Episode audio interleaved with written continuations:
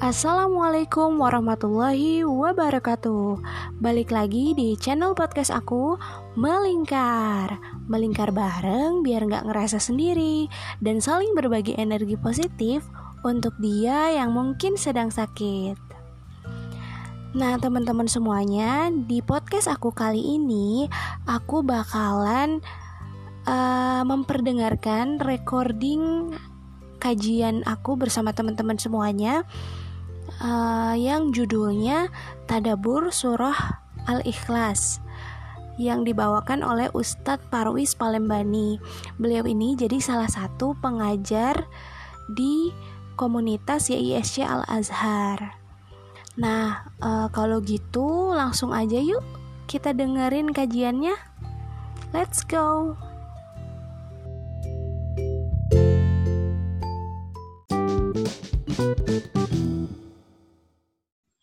Oke. Okay.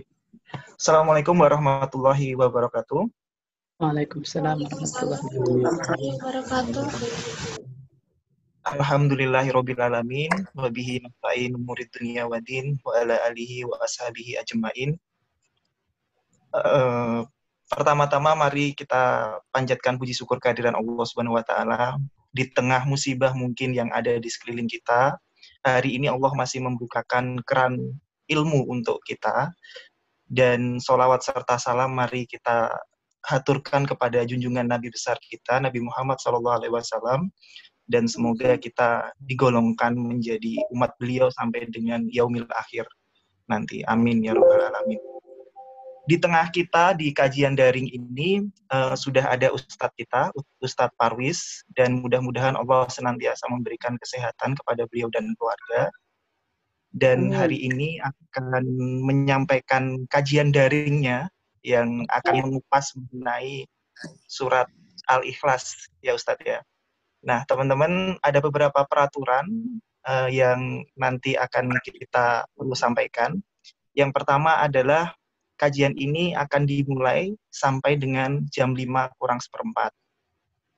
Dan kemudian nanti seperempat jam atau 15 menit adalah sesi pertanyaan, teman-teman yang akan bertanya nanti cukup menggunakan fitur raise hand untuk menyampaikan pertanyaan atau kalaupun tidak uh, memungkinkan untuk bertanya secara langsung boleh mengetik di uh, pesan nanti untuk saya sampaikan kepada Ustadz. Demikian mungkin aturan yang sedikit ingin saya sampaikan. Siapa? Eh, sorry sorry. Aduh, Kak Gensa, Kak Gensa ke-mute lagi.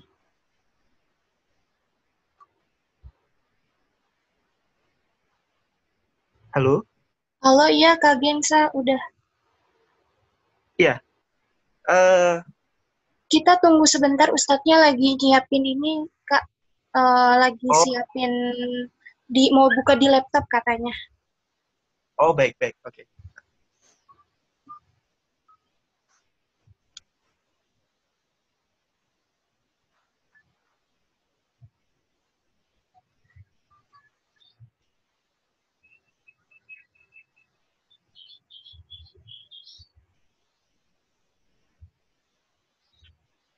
uh, mungkin juga untuk uh, supaya kajian ini juga supaya bisa lebih fokus untuk kita mendengarkan suara Ustadz untuk beberapa Bapak Ibu mungkin yang mengikuti kajian dapat mematikan fitur uh, mute pada uh, speakernya.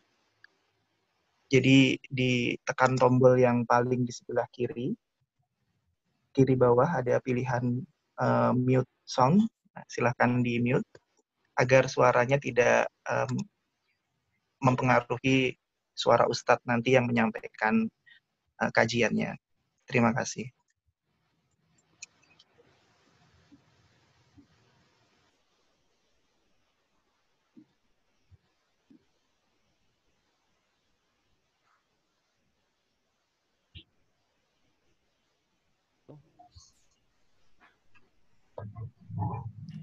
Assalamualaikum. Waalaikumsalam Ustaz. Oke, kita mulai ya. Baik Ustaz, kami persilahkan Ustaz untuk menyampaikan. Berapa orang sudah pesertanya? Sejauh ini sudah 60 orang Ustaz yang hadir di kajian daring kali ini. Oke. Bismillahirrahmanirrahim. Assalamualaikum warahmatullahi wabarakatuh. Alhamdulillahi wassalatu wassalamu ala rasulillahi wa ala alihi wa sahbihi wa mawalah wa la hawla wa la quwata illa billahi aliyyil azim. Bismillahirrahmanirrahim. Alhamdulillah kita bisa ketemu kembali di sore hari ini lewat media Zoom. Dengan kemudahan kecanggihan ini kita bisa dipertemukan oleh Allah kembali. Sama-sama kita belajar untuk menggali dari firman-firman Allah. Khususnya sore hari ini kita akan membicarakan surah Al-Ikhlas. Surah Al-Ikhlas semua kita hafal semua. A'udzubillahi minasyaitonirrajim. Bismillahirrahmanirrahim. Qul huwallahu ahad. Allahu samad. Lam yalid walam yulad walam yakul lahu kufuwan ahad. Rabbi srahli sadri wa yassirli amri wahlul 'uqdatam min lisani yafqahu qawli. Semoga Allah berikan kelapangan dada, semoga Allah berikan kita kemudahan dalam mempelajari firman-Nya yang ada dalam Al-Qur'an ini. Mari kita mulai dengan membaca bismillahirrahmanirrahim dan doa kita terkait musibah kita di tanah air hari ini dengan doa bismillahilladzi la yadurru ma'asmihi syai'un fil ardi wala fis sama' wa huwas samiul alim. Allahumma shalli ala nabiyyika Muhammadin wa ala alihi wa sahbihi wasallim. Bismillah. Surah Al-Ikhlas. Surah Al-Ikhlas dinamakan dengan Al-Ikhlas mungkin sebagian kita pernah bertanya-tanya. Ustaz, iya. Surah Al-Ikhlas dengan nama Al-Ikhlas, kami semua tahu Ustaz. Ikhlas artinya yang jamak kita kenal suatu sikap yang ada dalam diri seseorang yang mana dia tidak berharap sesuatu apa pun dari apa yang pernah dia lakukan. Atau dengan kata lain, bahasa Indonesianya orang melakukan sesuatu perbuatan dengan ikhlas seperti kalimat kita katakan mereka tanpa pamrih. Apabila ikhlas dengan seperti ini pemahamannya, lantas apa korelasinya Ustaz? Surah ini dinamakan dengan ikhlas. Padahal semua kita tahu bahwa di dalam surah Al-Ikhlas tidak membicarakan sedikit pun tentang hati seseorang yang murni dari misi apa pun kecuali untuk semata-mata mengharapkan ridho Allah. Kenyataannya dalam Al-Ikhlas, ayat pertama berbunyi, katakanlah Allah itu Esa, hanya Allah tempat kita bergantung, yang tidak beranak juga tidak diperanakkan, dia tidak ada satupun yang setara dengannya. Pertanyaan mendasar sebagai pembuka kita sore hari ini, apa korelasinya? Kok surah ini dinamakan dengan ikhlas? Oke. Okay. Sebelum kita jauh ke sana, kita tuntaskan dulu pertanyaan pertama untuk pemantik diskusi kita sore hari ini terkait surah ini. Ikhlas secara linguistik, secara kebahasaan, dia punya arti bersih, jernih, murni. Itu dari kalimat arti ikhlas. Jadi yang dimaksud dari surah ini dinamakan ikhlas adalah adalah ikhlas dalam definisi jauh lebih besar lagi yang mungkin sebagian kita belum terpikirkan. Apa itu? Kemurnian, kejernihan, kebersihan dari akidah seorang muslim dari segala macam kotoran yang bisa merusak dari kejurnian dan kemurnian iman itu sendiri. Maka di dalam ayat yang sebagian kita saya yakin hafal semua, wama umiru, tidaklah mereka diseru dengan hadirnya Nabi Muhammad, illa melainkan liya'budullaha agar mereka hanya beribadah kepada Allah. Lihat, kita lanjutin ayat ini. Illa liya'budullaha, kecuali agar mereka beribadah kepada Allah.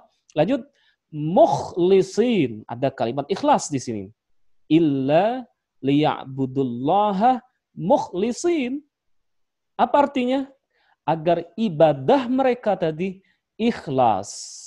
Ikhlas yang dimaksud dalam ayat ini semua kita sederhana mengatakan bahwa ikhlas itu adalah murni niatnya hanya teruntuk Allah. Betul. Akan tetapi ikhlas dalam ayat ini bukan hanya murni niat, tapi ibadahnya murni hanya teruntuk Allah, bukan ibadah kepada selain Allah. Beribadah kepada selain Allah, maka dinamakan dengan isyirik atau musyrik. Jadi korelasi Kenapa surah ini dinamakan ikhlas dengan isi kandungan ayat ini adalah kesimpulannya ayat ini mengajak kita kepada kemurnian, kejernihan, kebersihan iman bagi seorang muslim dari dirinya terhadap Tuhannya adalah Allah Subhanahu wa taala dengan penuh keyakinan Dia yang Maha Esa, Dia tempat kita bergantung, Dia tidak beranak dan tidak diperanakkan, Dia juga yang tidak ada satupun setara atau serupa dengannya. Oke, ini jawaban apa maksud ayat ini, surah ini dinamakan dengan ikhlas. Surah Al-Ikhlas masuk kategori surah yang diturunkan di Makkah atau dengan istilah studi tafsir dinamakan dengan surah Makkiyah karena lokasi turunnya berada di Makkah. Dan saya yakin dengan definisi ini semua sudah hafal ayat yang turun di Mekah surah Makkiyah, ayat yang turun di Madinah Madinahiyah, akan tetapi ada satu definisi yang saya ajukan sore hari ini, mungkin sebagian ada yang tahu atau mungkin ada yang info baru bagi dirinya, bahwa definisi yang banyak diamini oleh ulama yang dikatakan surah Makkiyah adalah surah atau ayat tersebut turun sebelum hijrah Sedangkan apabila ayat tersebut turun setelah hijrah, maka ayat tersebut walaupun turun di Makkah tetap dinamakan Madaniyah karena turunnya setelah hijrah. Dan ini kebanyakan ulama tafsir mengambil pendapat bahwa Makkiyah adalah turun sebelum hijrah, sedangkan Madaniyah surah tersebut atau ayat tersebut turun setelah hijrah. Setelah kita membicarakan ayat ini apakah kategori Makkiyah atau Madaniyah, ada satu hal penting untuk menjadi pegangan umum kita dalam membahas surah ini. Apa itu? Karena tadi sudah kita sepakati bahwa ayat ini turun di Makkah, dengan kata lain berarti ayat ini kala itu Allah turunkan kepada Rasulullah berhadapan dengan masyarakat Makkah yang notabene mereka adalah kafir Quraisy Makkah. Sebelum kita masuk ke ayat ini, mari kita mundur ke belakang kepada era Nabi Muhammad kala itu ketika menerima wahyu ini. Dan kita baca bersama bagaimana keyakinan masyarakat Quraisy Makkah kala itu. Masyarakat Quraisy Makkah hari itu, keyakinan mereka atau kondisi keagamaan masyarakat Quraisy Makkah kala itu bisa kita lihat Mengapa mereka sampai dikatakan kafir? Mengapa mereka dikatakan sebagai orang musyrik? Apa kesalahan mereka? Mungkin sebagian di rumah teman-teman ada yang sedang membekang mushaf. Silahkan buka surah Al-Ankabut, tepatnya nomor ayat yang ke-61. Surah Al-Ankabut ayat yang ke-61. Di sana ada semacam info dari Allah buat kita hari ini bagaimana kondisi keyakinan masyarakat Quraisy kala itu ketika Rasulullah dihadirkan oleh Allah kepada mereka untuk mendahului mereka untuk beribadah kepadanya. Seperti apa keyakinan kafir Quraisy terjawab oleh surah Al-Ankabut ayat 61. Di surah Al-Ankabut ayat 61 di sana dikatakan auzubillahi minasyaitonir rajim wala in sa'altahum man khalaqas samawati wal arda jika engkau yang dimaksud engkau ini adalah Nabi Muhammad. Jika engkau Muhammad uh, tanyakan kepada mereka, siapa mereka ini? Tentunya masyarakat Quraisy Mekah hari itu. Jadi kalau bisa saya terjemahkan secara kekinian ayat ini bermakna begini. Nabi Muhammad disuruh oleh Allah melakukan survei, penelitian dengan mengajukan satu pertanyaan kepada masyarakat mereka masyarakat Rasul masyarakat Quraisy Makkah yang kita kenal hari ini sebagai uh, orang kafir. Apa pertanyaannya? Man khalaqas samawati wal arda wa sakhara syamsa wal qamara la yaqulunallah. Siapakah yang telah menciptakan langit dan bumi, matahari dan bulan? Lalu kata ayat ini informasi buat kita bersama la yaqulunallah. Kata kafir Quraisy pasti mereka akan menjawab yang menciptakan langit dan bumi, menundukkan matahari dan bulan, kata mereka tetap adalah Allah. Yang pertama, ayat ke-63-nya di surah Al-Kabut, ayat surah yang sama, 63-nya, jika kau tanyakan juga kepada mereka Muhammad, siapa yang telah menurunkan air dari langit? Dengan air itu Allah menghidupkan bumi yang telah mati. Lalu kafir Quraisy menjawab, yang menurunkan air dari langit, yang menghidupkan bumi yang telah mati, mereka jawab juga adalah Allah. Berarti sampai di sini kita dapat satu kesimpulan secara umum bahwa kafir Quraisy sudah percaya Allah Subhanahu wa taala. Ditambah lagi, jauh sebelum Rasul lahir, ayah Rasulullah pun diberi oleh kakeknya nama dengan nama Abdullah dengan arti adalah hamba Allah. Apabila kenyataan kafir Quraisy dengan kesimpulan ini mereka telah percaya Allah, telah mengakui pencipta langit dan bumi Allah, yang menurunkan air dari langit Allah, yang memberi rezeki adalah Allah, lantas yang menjadi pertanyaan bersama, kenapa atau mengapa mereka dikatakan kafir atau musyrik jika mereka sudah mengakui Allah? Jawabannya satu, ternyata mereka mengakui Allah, mengatakan Tuhan mereka Allah, tapi sayangnya mereka justru yang disembah adalah berhala. Yang kita kenal hari ini dengan nama Latta, Uzza, Manat, Hubal, dan sejenisnya. Nah inilah yang disembah oleh kafir Quraisy Mekah. Tapi mereka tidak menyembah Allah. Mereka terhadap Allah hanya sebatas percaya dan yakin. Yakin mengimani bahwa Allah pencipta, pengatur, pemelihara semesta alam. Tapi bagi mereka, berhala oleh mereka disembah. Bukan yang disembah adalah Allah Subhanahu wa taala. Nah, sekarang kita bisa dapat satu kesimpulan bahwa kondisi masyarakat yang didatangi oleh Nabi Muhammad untuk berdakwah kepada mereka dengan yang diutus oleh Allah Subhanahu wa taala, artinya Nabi Muhammad datang ke masyarakat Makkah hari itu bukan memperkenalkan Allah, bukan mempromosikan Allah, tapi mereka pun sudah beriman kepada Allah. Lantas yang jadi pertanyaan, untuk apa Nabi Muhammad hadir kepada mereka yang mereka sudah mengenal dan mengimani Allah? Hadirnya Nabi Muhammad kepada mereka adalah mengajak mereka untuk mengesahkan ibadah hanya kepada Allah. Tadi ayat yang kita bicarakan sebagai jawaban pamungkas mengapa Nabi hadir kepada mereka padahal mereka sudah percaya dan iman kepada Allah. Tadi ayat mengatakan, wa ma umiru illa liya'budullaha mukhlishina lahuddin. Surah Al-Bayyinah. Tidaklah mereka diseru oleh Allah dengan diutus Muhammad kepada mereka kecuali mengajak mereka beribadah hanya kepada Allah Subhanahu wa taala. Oke, sekarang kita dapat gambaran masyarakat hari itu ketika ayat ini mau turun kepada Nabi Muhammad SAW. Ingat uh, pemirsa atau jamaah yang ada di rumah, saya sedang mengajak antum memahami ayat ini dalam konteks hari itu. Ketika Rasulullah dibekali oleh Allah dengan surah ini untuk berdakwah kepada masyarakat Mekah Quraisy hari itu. Saya belum memahami ayat ini dalam konteks kekinian. Lanjut. Kemudian hadirlah Nabi Muhammad yang sempat membuat menghantak kaget masyarakat Mekah dengan mengatakan Allah yang Maha Esa. Allah tempat ia ibadah. Lalu masyarakat Quraisy yang sudah mengenal Allah dan tentu apa namanya uh, masyarakat Mekah pun tahu bahwa orang Yahudi pun Tuhan mereka Allah. Masyarakat Quraisy pun tahu juga hari itu bahwa orang Yahudi Tuhan mereka juga Allah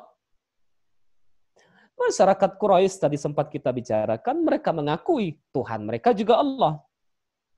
Nah, lantas tiba-tiba Nabi Muhammad dengan hikmah dan kebijaksanaan Allah, Allah utus kepada mereka untuk mengajak menyembah Allah.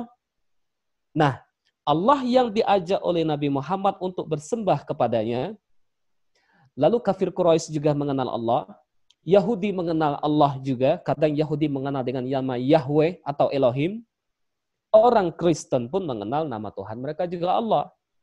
Lalu Nabi Muhammad hadir mengajak menyembah juga yang namanya Tuhan adalah Allah. Nah ini nanti yang menjadi bahan pertanyaan kafir Quraisy kepada Rasulullah.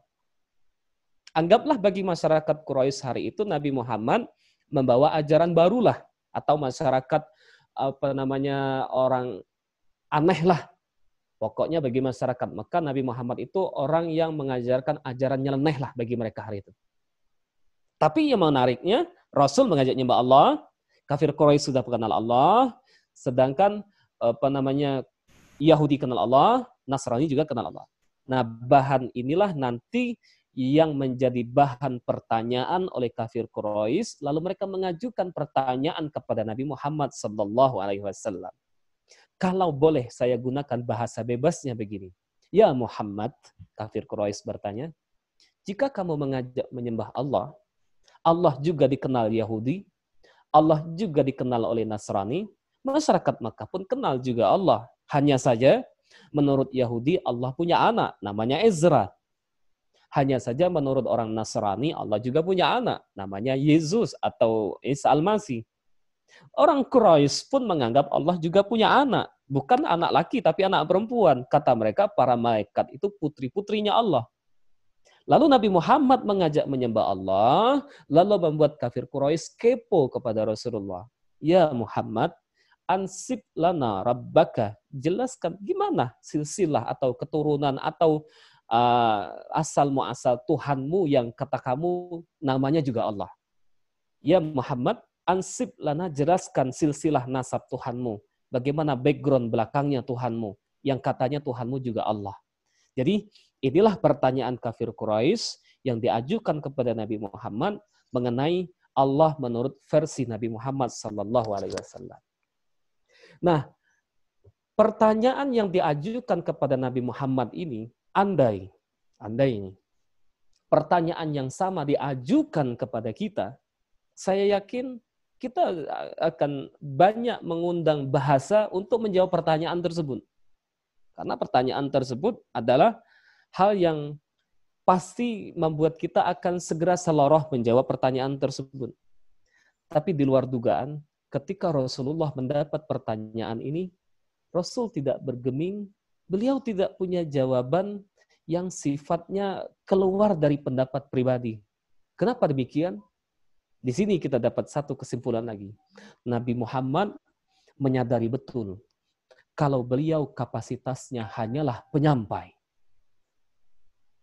Saya ulang, Nabi Muhammad menyadari betul bahwa kapasitas beliau adalah hanya sebatas penyampai. Karena sebatas penyampai itulah ketika Rasulullah ditanya oleh masyarakat Mekah tadi, siapa Allah menurut versimu, beliau tidak serta-merta langsung mengeluarkan kata-kata untuk menjawab pertanyaan tersebut. Beliau hanya memberikan ekspresi wajah tidak senang ketika ditanya, apakah Tuhanmu punya nasab? Apakah Tuhanmu terbuat dari A, B, C, D? Beliau hanya mengeluarkan ekspresi wajah tidak suka karena Tuhan disamakan dengan sifat-sifat makhluk tersebut.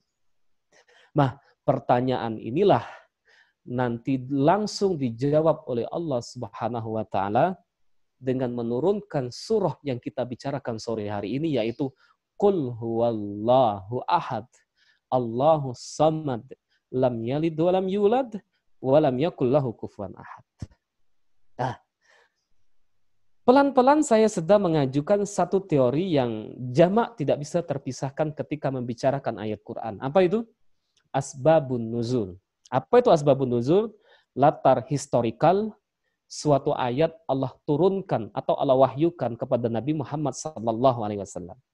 Cerita barusan yang saya bicarakan tadi, pertanyaan kafir Quraisy, lalu mereka ingin bertanya seperti Allah, seperti apa Allah dalam definisi Islam Nabi Muhammad, Lalu pertanyaan itu tadi dijawab oleh Allah dengan menurunkan kul huwallahu ahad, kisah yang barusan saya sampaikan tadi, itulah yang dinamakan dengan asbabun nuzul, faktor awal yang menjadi histori mengapa ayat ini Allah turunkan kepada Nabi Muhammad sallallahu alaihi wasallam.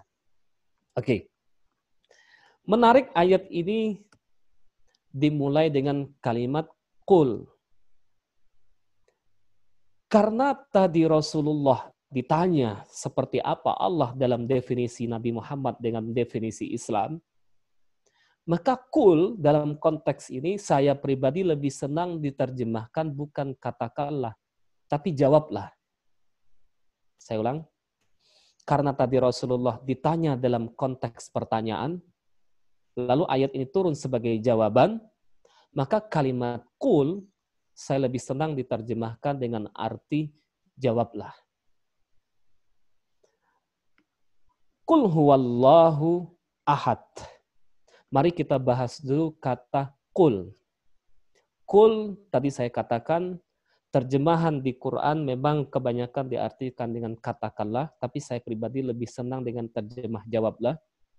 Apabila katakanlah, maka ada tiga yang harus ada.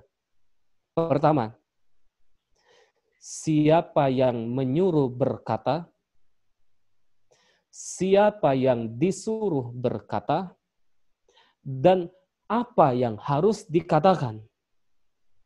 Saya ulang, kul artinya katakanlah. Apabila ada kalimat katakanlah dengan kata perintah seperti ini, maka ada tiga yang harus ada. Apa itu? Siapa yang ber, siapa yang menyuruh berkata, siapa yang disuruh dikatakan mengatakan, lalu apa yang harus dikatakan? Jawaban pertama siapa yang menyuruh berkata, tentu adalah Allah. Siapa yang disuruh untuk mengatakan, tentulah Rasulullah. Apa yang harus dikatakan adalah huwallahu ahad. Dia Allah itu Tuhan yang Maha Esa. Jadi terjemahan bebasnya begini, Allah menyuruh Rasulnya untuk mengatakan, Huwallahu ahad. Jawab Muhammad pertanyaan mereka, Huwa, dia yang kalian pertanyakan itu, Allah yang sudah kalian kenal. Ahad, yang Maha Esa. Diam-diam ayat ini, tanpa kita sadari dan sering kita baca, diam-diam, sering kita baca, dan tanpa kita sadari, ayat ini menggunakan retorika meyakinkan kepada mereka yang meragukan Quran sebagai firman Allah yang diwahyukan kepada Nabi Muhammad. Saya ulang, sekali lagi, diam-diam ayat ini tanpa kita sadari dan sering kita baca, diam-diam ayat ini sedang meyakinkan mereka yang meragukan Quran firman Allah yang diwahyukan kepada Nabi Muhammad. Seperti apa itu Ustadz maksudnya? Begini.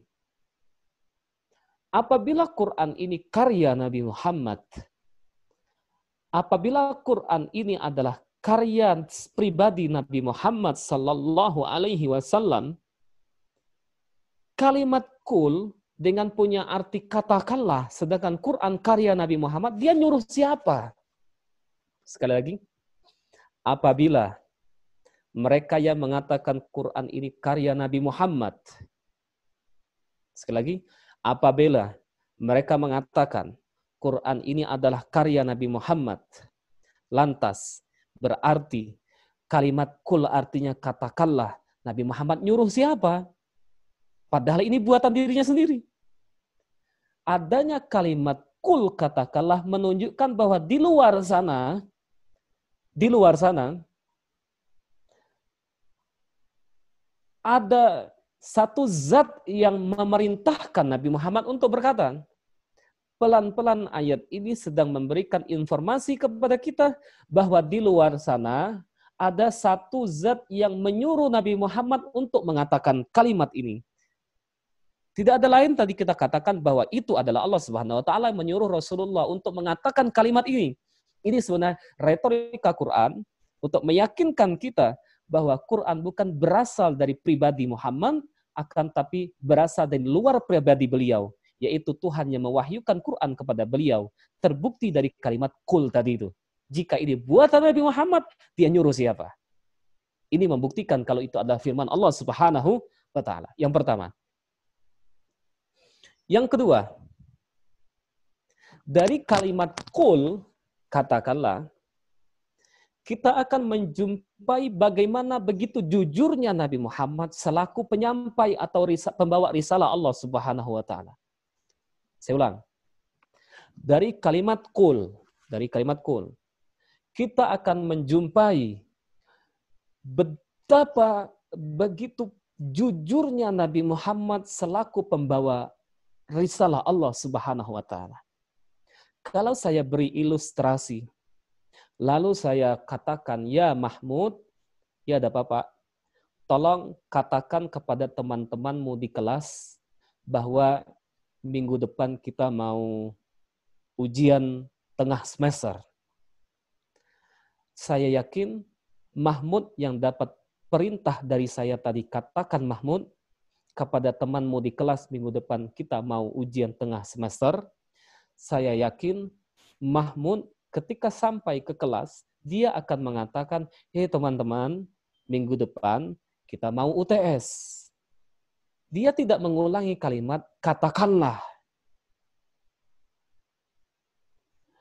Begitu jujurnya kapasitas Rasulullah selaku pembawa wahyu risalah Allah. Sebenarnya katakanlah Allah itu Maha Esa, sebenarnya maunya ayat ini adalah huwallahu ahad. Tapi Nabi Muhammad bukan menyampaikan huwallahu ahadnya, tapi kul katakannya itu pun tetap beliau sampaikan kepada kita. Ini tadi saya katakan begitu jujurnya Nabi Muhammad selaku pembawa wahyu. Lalu kemudian setelah kita membicarakan kalimat kul tadi ada dua makna. Pertama, retorika Quran meyakinkan kita bahwa ini firman Allah. Yang kedua dari kalimat kul kita menjumpai begitu jujurnya Nabi Muhammad selaku pembawa wahyu. Ini baru kita bicarakan kulnya saja. Lalu kita bicarakan huwa. Apa itu huwa? Huwa artinya dia. Allah, Allah, ahad artinya esa. Huwa artinya dia, lalu kemudian Allah. Ayat ini dimulai dari huwallahu ahad masuk kategori apa yang harus dikatakan tadi. Ustadz, iya. Dan ini menjadi satu tema yang kedua yang kita bicarakan dari ayat ini. Apa fungsi sisipan dia sebelum Allah? Padahal bisa saja kita mengatakan, katakanlah Allah itu Esa.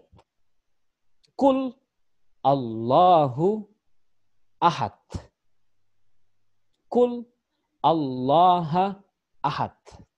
Katakanlah Allah itu Esa. Yang jadi pertanyaan dan ini menjadi pembahasan fokus para ulama tafsir, ada sisipan huwa. Huwa punya arti dia. Katakanlah dia Allah yang Maha Esa. Ada sisipan dia ini para ulama tafsir berusaha memberi satu jawaban yang supaya kita bisa memasuki hasanah tingginya bahasa Quran. Apa itu? Allah yang maha tinggi, Allah yang maha luhur, Allah yang maha mulia. Ayat ini Allah tidak langsung menggunakan namanya sebelum namanya Allah mulai dengan dia. Fungsinya apa?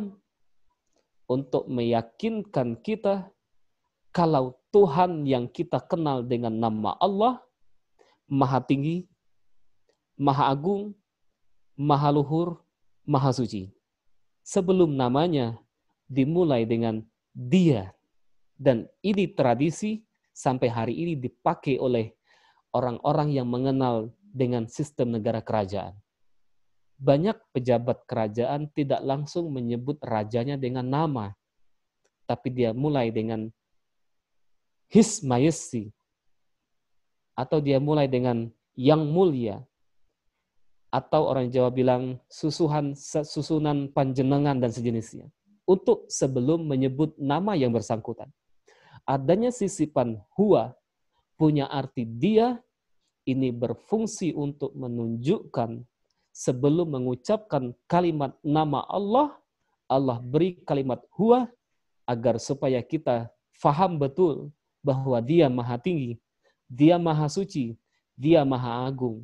Tidak layak dan tidak pas pertanyaan seperti pertanyaan yang diajukan oleh kafir Quraisy yang mengatakan, apakah Tuhanmu punya anak? seperti orang Nasrani? Apa Tuhanmu terbuat dari bahan ABCD seperti yang dilakukan oleh kafir Quraisy? Pertanyaan itu enggak pas untuk Allah. Ketidakpasan untuk Allah dengan pertanyaan tersebut, Allah gunakan bahasa dalam ayat ini sebelum ada Allahnya, Allah sisipin kalimat huwa lidilalati ulwi sya'ni untuk menunjukkan kemahaagungan, kemahatinggian, kemahasucian dia Allah yang Maha Esa ini. Ini ada kalimat huwa. Kemudian ah, terakhir dalam ayat ini di ujungnya ada kalimat ahad. Apa itu ahad? Ahad artinya sat esa. Ahad artinya esa, bukan artinya minggu. Ahad bukan artinya minggu, tapi esa. Kalau artinya minggu berarti katakanlah Allah itu minggu, bukan. Ahad artinya esa. Tapi wahid, wahid punya arti satu. Apa bedanya ahad dengan wahid? Bagi teman-teman yang pernah mendengar istilah Esa, pasti paham. Tapi kalau Eka, Eka, Eka dengan Esa sama serupa tapi tak sama. Kalau Esa tunggal, tidak ada alternatif kedua dan ketiga. Tapi kalau Eka, maka ada kedua, dui, ada tri, ada pan, ada catur, ada panca. Maka yang tepat ahad diartikan bukan satu, tapi ahad lebih tepat diartikan dengan esa atau tunggal. Maka seakan ayat ini mengatakan, wahai Muhammad, Allah memerintahkan kepada nabinya dia Tuhan yang mereka pertanyakan itu sebenarnya Allah akan tetapi Allah itu adalah dia Tuhan yang Maha Esa. Akan tetapi ayat ini tidak menggunakan kalimat wahid, tapi menggunakan kalimat ahad, menunjukkan bahwa jangan sampai pemikiran menjadi liar bahwa ada Tuhan yang kedua dan ketiga, untuk menutup pemikiran liar ini, maka ayat ini langsung tegas menggunakan bahasa ahad. Dan bahayanya apabila ayat ini menggunakan kalimat kul huwallahu wahid, maka akan muncul alternatif-alternatif yang kedua dan ketiga. Maka pemikiran liar tersebut terhenti karena ayat ini menggunakan kalimat ahad. Kul huwallahu ahad. Lanjut, saya ulangkan kembali apa latar belakang historikal ayat ini tadi turun. Tadi sempat kita bicarakan bahwa Nabi Muhammad ditanya, Allah menurut definisi Rasulullah, menurut definisi Islam itu seperti apa? Menurut Yahudi Allah punya anak Ezra. Menurut Nasrani Allah punya anak Yesus menurut orang Kristen, Allah menurut orang kafir Quraisy, Allah punya anak. Para malaikat kata kafir Quraisy putri-putrinya Allah. Nah inilah pertanyaan tadi yang diajukan kepada Nabi Muhammad. Apakah Tuhanmu terbuat dari A, B, C, D? Lalu kemudian pertanyaan inilah yang menjadi jawaban dari Allah atas pertanyaan mereka seperti itu. Kalau kita cek dengan pertanyaan tadi sebenarnya, sebenarnya ayat ini belum menjawab pertanyaan tadi ayat ini baru mengatakan bahwa Tuhan itu Esa, Allah itu Esa. Karena Rasul ditanya, Tuhanmu punya anak, Tuhanmu terbuat dari apa, dan sejenisnya. Lalu ayat kedua, Allahu As-Samad. Para ulama tafsir yang dimaksud dengan samad adalah al-masmud lah. Apa itu? Al-multaja ilaihi setelah ayat pertama mengatakan bahwa secara intensitas, secara ident, secara zat, secara zat, Allah yang sudah dikenal bersama oleh masyarakat Makkah, orang Quraisy, orang Yahudi, orang Nasrani termasuk Nabi Muhammad, Allah yang sama yang mereka kenal, definisi Allah dengan dalam ayat ini bahwa dia adalah Tuhan yang Maha Esa. Ahad. Tapi menariknya, ayat kedua ini sedang mengatakan Allahu As-Samad. Allah itu adalah bukan hanya dia satu, tapi juga dia satu-satunya tempat hambanya bergantung.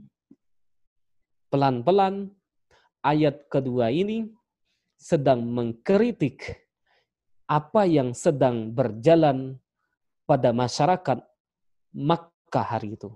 Tadi sempat kita katakan bahwa kafir Quraisy percaya Allah, tapi mereka berdoa, mereka bermohon, mereka meminta, mereka beribadah, mereka bernazar, mereka bersembelih, mereka menggunakan nasib kepada berhala. Pelan-pelan ayat kedua ini sedang mulai mengkritik apa yang dilakukan oleh masyarakat Mekah. Bahwa Allah itu juga berhak dan memang dia satu-satunya tempat bergantung. Tidak seperti yang dilakukan oleh kafir Quraisy. Mereka beribadah kepada Latta, Uzza, Manat, Hubal, dan sejenisnya. Tidak seperti yang dilakukan oleh kafir Quraisy. Mereka menyembelih hewan kurban untuk berhala. Tidak seperti yang dilakukan oleh kafir Quraisy. Mereka bernazar demi berhala. Tidak seperti yang dilakukan oleh kafir Quraisy mereka memohon, berdoa, meminta, dan bermohon kepada berhala. Ayat ini memberikan satu simpul jawaban umum sebagai jawaban yang apa berlaku pada masyarakat kafir Quraisy bahwa selayaknya dan selayaknya dan seharusnya mereka yang sudah percaya Allah itu apa pun seharusnya ibadahnya, doanya, permohonannya, nazarnya, kurbannya, apa pun ibadah mereka seharusnya dialamatkan bermohon hanya digantungkan dan kepada Allah Subhanahu wa taala. Jadi maunya ayat ini seakan mengatakan begini, Allah bukan hanya terhenti diyakini bahwa dia Esa, tidak. Saya ulang, seakan maunya ayat pertama dan ayat kedua ini, Allah bagi seorang muslim bagi masyarakat Quraisy seharusnya tidak hanya berhenti bahwa percaya Allah itu Esa, tunggal, titik, selesai. Tidak. Tapi berlanjut. Apa itu berlanjut?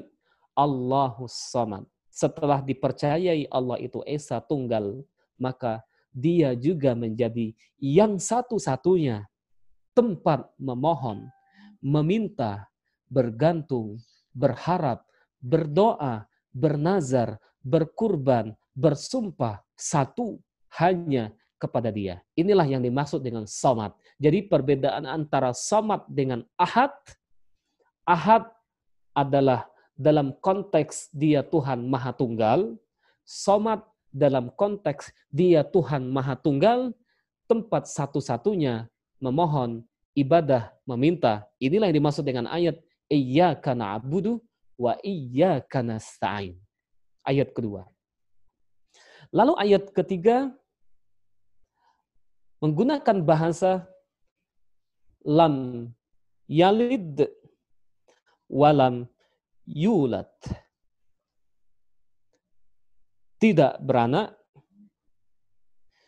juga tidak diperanakkan. Saya ulang, lam yalid walam yulad punya arti tidak beranak, tidak diperanakkan. Tidak beranak, tidak diperanakkan, barulah ayat ketiga ini sebagai jawaban sebenarnya dari pertanyaan yang diajukan oleh kafir Quraisy tadi. Karena kafir Quraisy membandingkan bahwa Allah menurut Nasrani punya anak, Allah menurut Yahudi punya anak, menurut kafir Quraisy juga Allah punya anak. Lalu pertanyaan kafir Quraisy tadi Allah turunkan Al-Ikhlas ini akan tetapi ayat pertama belum menyentuh pertanyaan. Tapi ayat pertama adalah membicarakan apa yang seharusnya walaupun tidak dipertanyakan. Saya ulang. Ayat pertama membicarakan apa yang membicarakan apa yang seharusnya dibicarakan walaupun tidak dipertanyakan. Ayat kedua sama membicarakan apa yang seharusnya dibicarakan walaupun tidak dipertanyakan sekaligus dia mengkritik apa yang sedang dilakukan oleh kafir Quraisy. Saya ulang, ayat pertama membicarakan apa yang sebenarnya seharusnya dibicarakan walaupun tidak dipertanyakan oleh kafir Quraisy tadi. Ayat kedua sama membicarakan apa yang seharusnya dibicarakan walau tidak dipertanyakan oleh kafir Quraisy. Yang kedua, dia ada plusnya. Apa plusnya? Plusnya adalah sekaligus dia mengkritik dari keyakinan yang sudah berjalan di kalangan kafir Quraisy. Ayat ketiga, Allah tidak beranak, tidak beranakkan, barulah ayat ketiga ini membicarakan apa yang dipertanyakan oleh kafir Quraisy tadi. Artinya ayat ketiga mulai menyinggung, mulai menyentuh momen pertanyaan yang dipertanyakan kafir Quraisy tadi. Kata kafir Quraisy Allah punya anak menurut versi Yahudi, Allah punya anak menurut versi Nasrani, Allah punya anak menurut versi kafir Quraisy. Lalu pertanyaan itu include Allah jawab dengan satu kalimat. Apa itu? Lam yalid dia tidak beranak. Selesai. Tiga pertanyaan tadi tuntas dengan satu jawaban ini. Dia tidak beranak. Artinya, jangan ditanya anak A, B, C, D, cukup dengan satu jawaban, dia tidak beranak. Selesai. Sudah terjawab pertanyaan itu. Lalu dilanjutkan, Allah tegaskan kembali, bukan hanya tidak beranak, tapi juga dia tidak pernah melewati momen diperanakkan. Dia tuh hanya maha tinggi ini tidak pernah melewati masa kalau dia pernah dilahirkan atau diperanakkan. Jadi ayat ini dia tidak beranak ini sebagai jawaban dari pertanyaan tadi lalu tidak diperanakkan semacam penegasan dia juga tidak pernah melewati fase dilahirkan atau diperanakkan. Otomatis otomatis dengan dua kalimat ini pertanyaan tadi itu include dengan bahasa stand, bahasa tinggi tanpa perlu memperbanyak kalam. Ayat ini hanya mengatakan tidak beranak, tidak diperanakkan.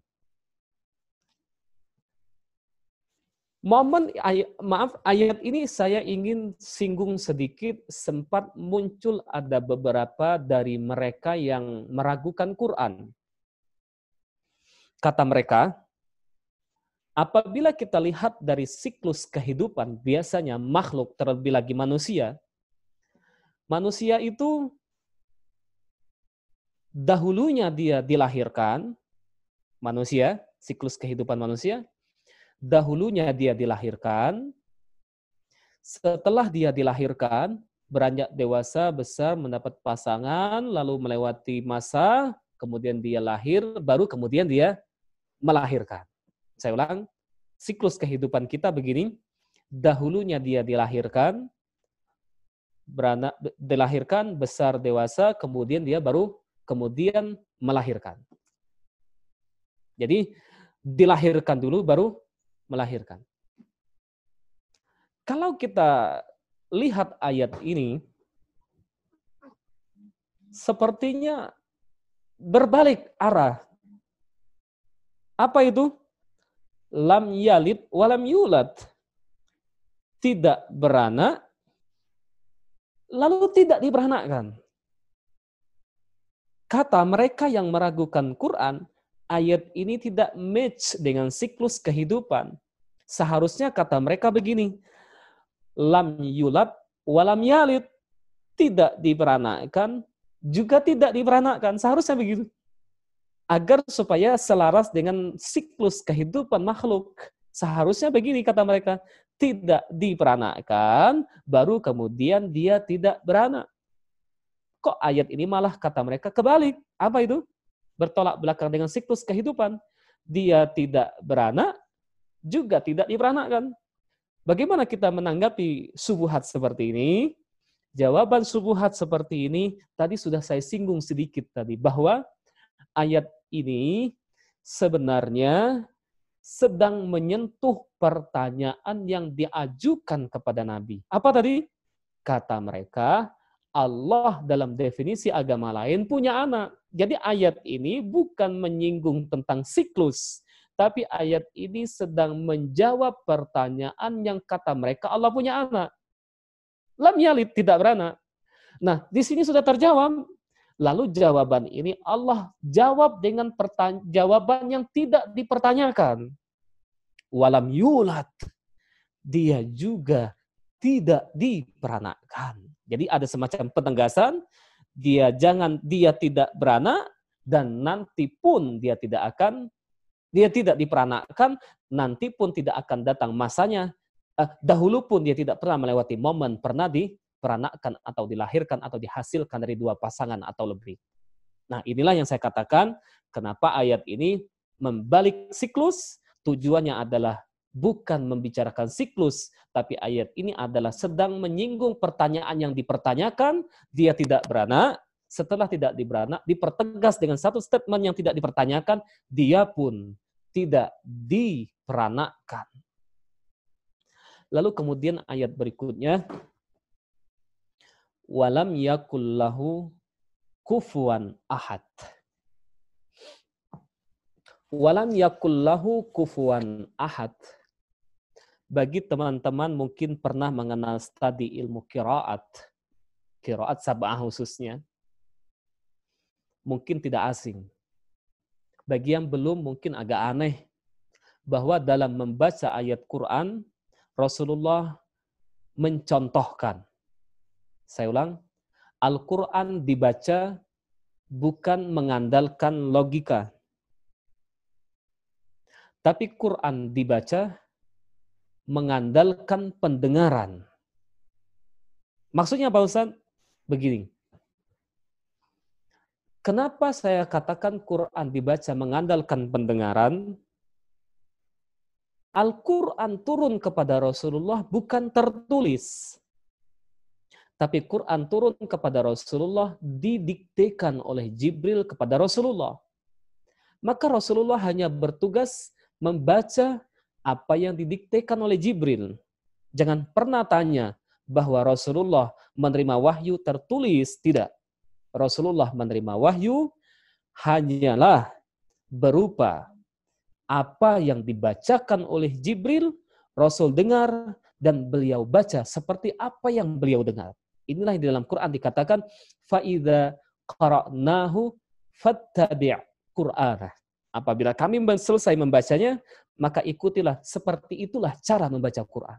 Jadi kesimpulannya Al-Quran dibaca bukan mengandalkan tulisan, tapi Quran dibaca mengandalkan pendengaran yang diterima oleh Rasulullah dari malaikat Jibril.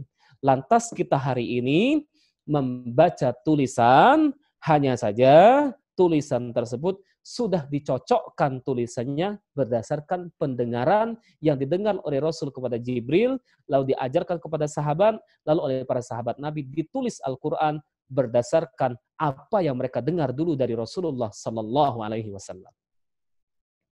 Nah, dalam studi ilmu kiraat, Ada beragam macam model bacaan Quran yang diajarkan oleh Nabi. Sedikit saya singgung dalam ayat ini.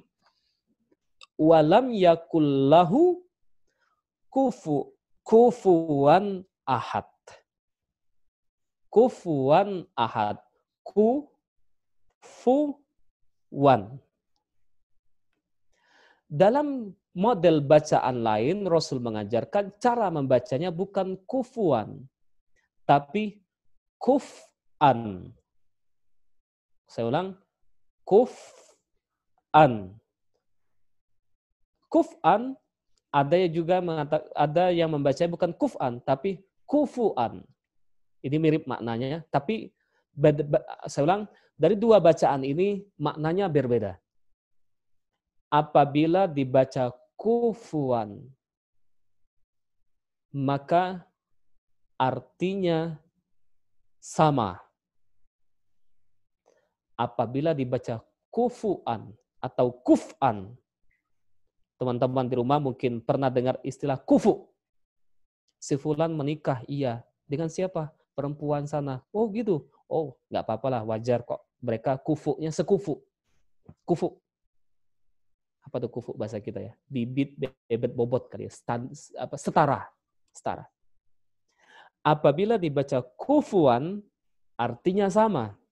Apabila dibaca kufuan atau kufan, artinya adalah setara.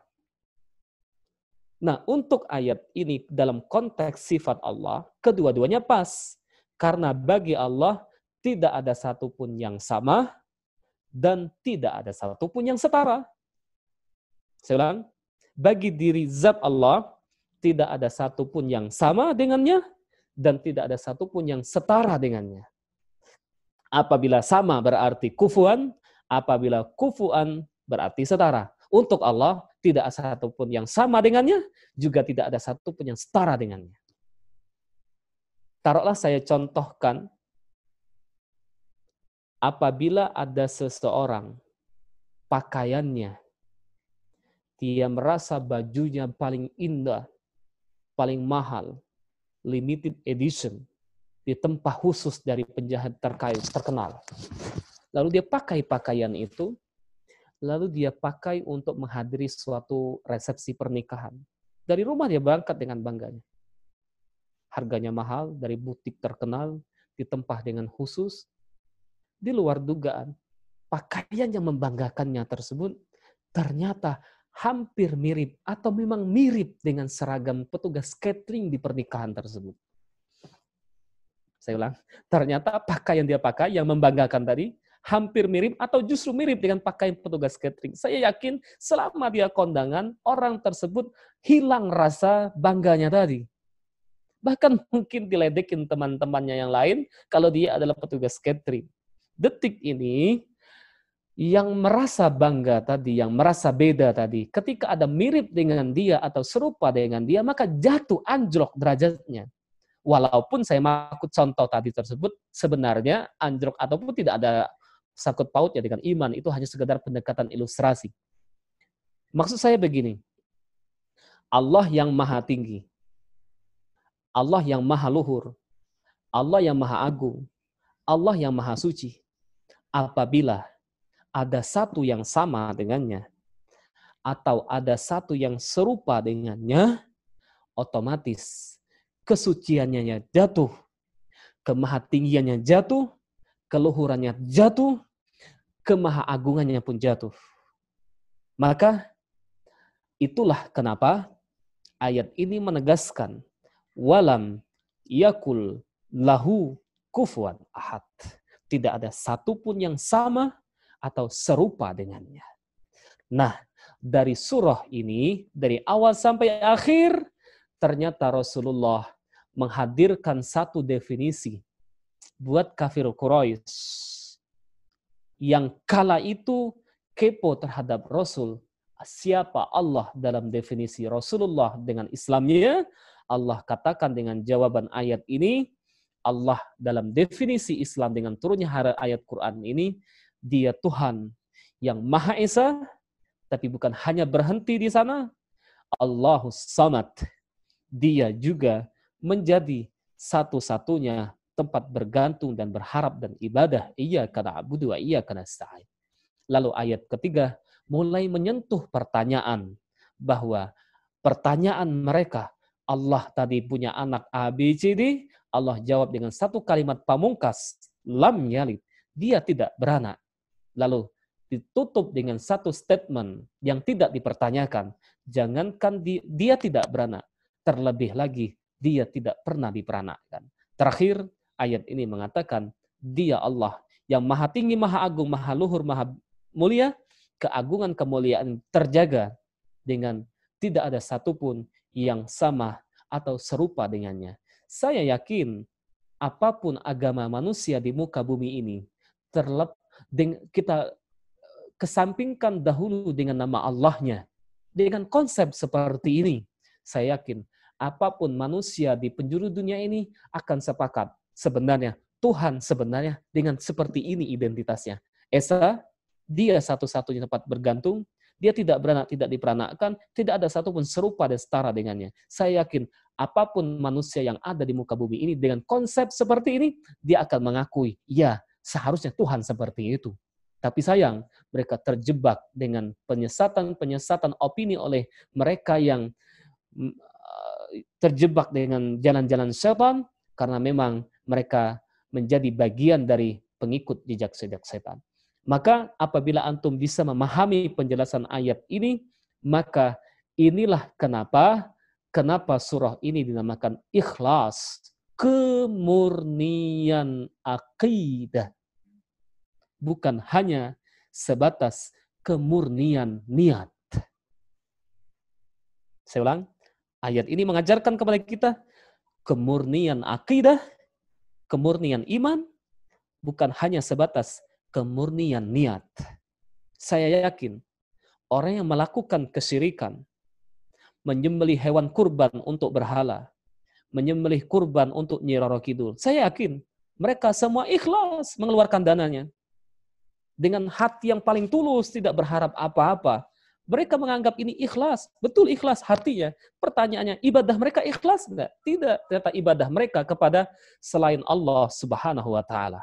Nanti dari sini dapat satu kesimpulan lagi saya katakan bahwa ikhlas tidak selamanya berbicara kemurnian niat tapi juga ikhlas berbicara kemurnian akidah, kemurnian ibadah, kemurnian permohonan, kemurnian, kemurnian, dan kemurnian.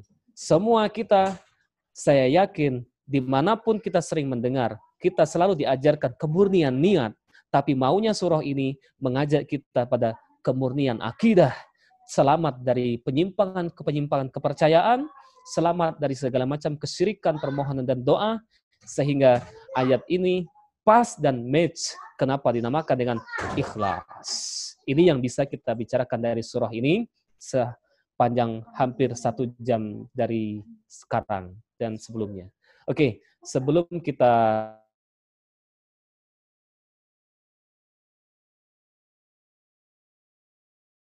untuk mengajukan pertanyaan. Silakan bagi teman-teman di rumah yang ingin bertanya, uh, mungkin lebih enaknya adalah bertanya dengan cara mengangkat tangan seperti ini, biar hostnya bisa mempersilahkannya untuk berbicara. Bertanya. Baik, Ustadz. Ya. Selanjutnya kami membuka pertanyaan untuk Bapak Ibu melalui fitur raise hand atau Bapak Ibu dapat menyampaikan melalui kolom komentar yang hmm. terdapat pada Zoom.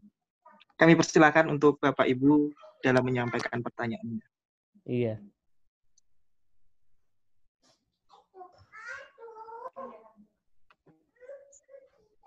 Oke. Okay.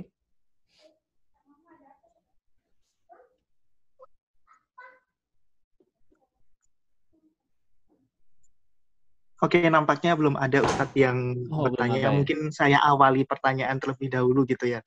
Oke. Okay um, surat Al-Ikhlas ini juga uh, sering kita dengar hmm. uh, diibaratkan adalah sepertiga Quran, katanya.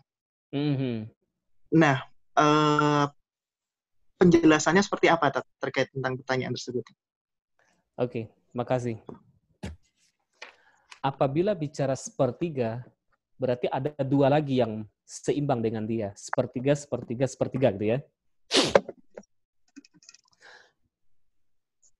Secara umum, secara umum, Islam mengajak kita pada tiga ter yang harus kita penuhi selaku hamba Allah.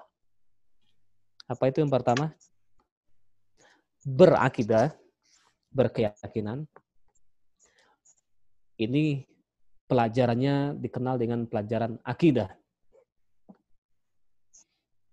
Yang kedua, kita dalam Islam bukan hanya sebatas akidah, tapi juga ada amal perbuatan kita kepada Allah. Nah, ini dikenal dengan istilah ibadah. Baik itu ibadah dalam artian vertikal maupun horizontal, hablum minallah maupun hablum minan nas. Nah, ini pelajaran kajiannya adalah sering kita dengar dengan ilmu fiqih. Yang ketiga, kita bukan hanya bicara ibadah, kita juga harus berperilaku. Nah, ini pelajaran kita kenal dengan akhlak. Mungkin yang dulu pernah di madrasah, ada pelajaran akidah, ada fikih, ada akhlak. Nah, yang belum di madrasah mungkin pernah dengar juga. Mungkin walaupun nggak madrasah ya minimal madu rasa lah. Lihat. Tiga tadi. Akidah, ibadah, akhlak. Nah, kul huwallahu ahad ini sedang membicarakan yang mana? Kul huwallahu ahad membicarakan tentang akidah. Pas bahwa al-ikhlas sepertiga Al-Quran. Karena Quran di dalamnya nggak lepas dari tiga ini. Akidah, ibadah, atau akhlak. Nggak lepas dari tiga ini. Al-Quran membicarakan bagaimana berakidah yang benar, Al-Quran membicarakan bagaimana beribadah yang benar, Al-Quran membicarakan bagaimana berakhlak yang benar. Nah, kul huwallahu ahad membicarakan sepertiga yang pertama, akidah yang benar. Apabila ini sudah dibicarakan secara umum dalam Al-Ikhlas, pas Al-Quran masuk kategori dia sedang sepertiga Al-Quran. Kalau begitu Ustaz, kalau baca Al-Ikhlas tiga kali, berarti dia menghotamkan satu Al-Quran. Ya gimana ya? Tidak sama. Tidak sama paket hemat dengan paket sebenarnya itu kan paket hemat, nggak sama. Karena membaca Al-Quran, per hurufnya ada pahala, per kalimat ada pahala. Apabila membacanya cukup tiga kali al-ikhlas, tidak sama dengan orang yang mengkhatamkan Quran dari awal sampai akhir. Ya, Jadi inilah kenapa al-ikhlas dinamakan dengan sepertiga Al-Quran. Karena dia sedang membicarakan sepertiga tema Quran tentang akidah. ya. Oke. Terima kasih. Ada yang lain silakan. Baik, kami persilahkan selanjutnya kepada Bapak Ibu sekalian yang mungkin ada hal yang ingin dipertanyakan dari hmm. Tadabur Surah Al-Ikhlas. Iya, mau nanya yang lain silahkan. Yang penting jangan nanya kapan kiamat.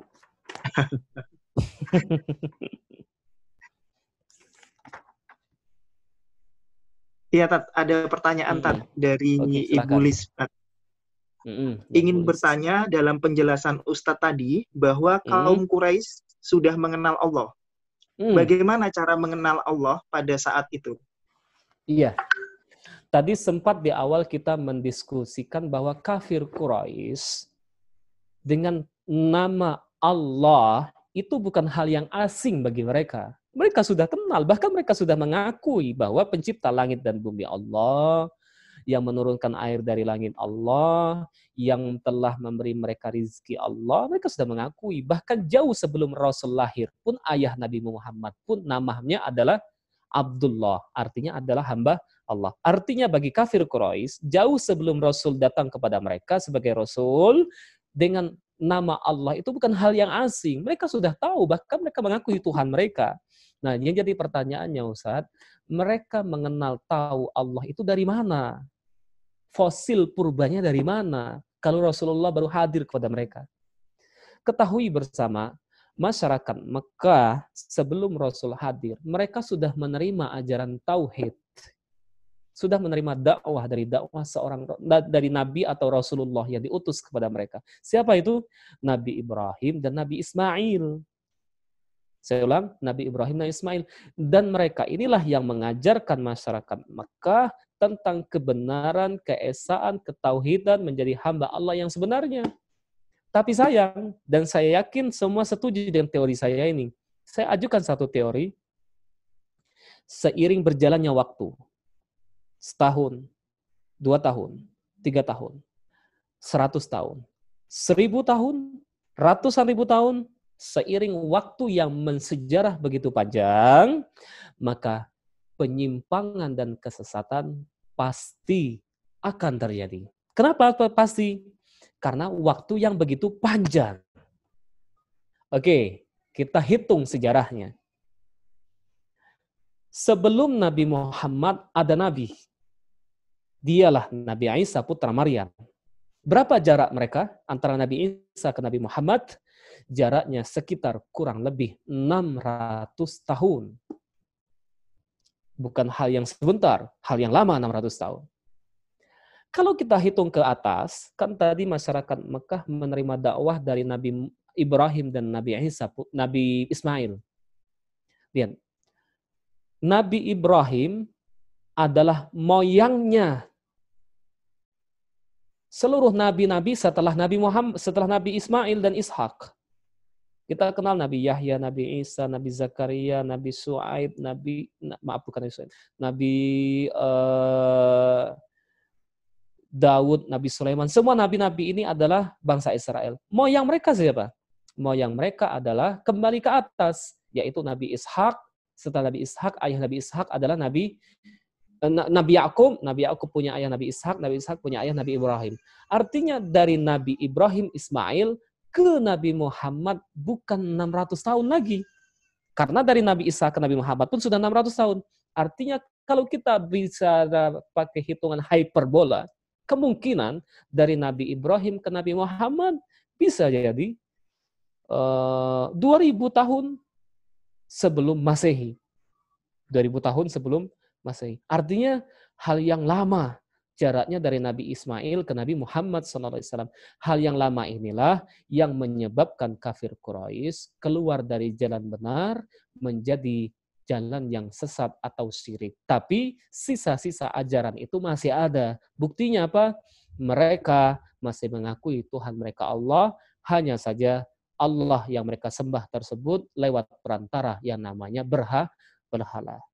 Gitu ya, ini pertanyaannya. Menarik pertanyaan ini karena ini ada korelasinya ayat ini dan ini tujuannya surah Al-Ikhlas berbicara.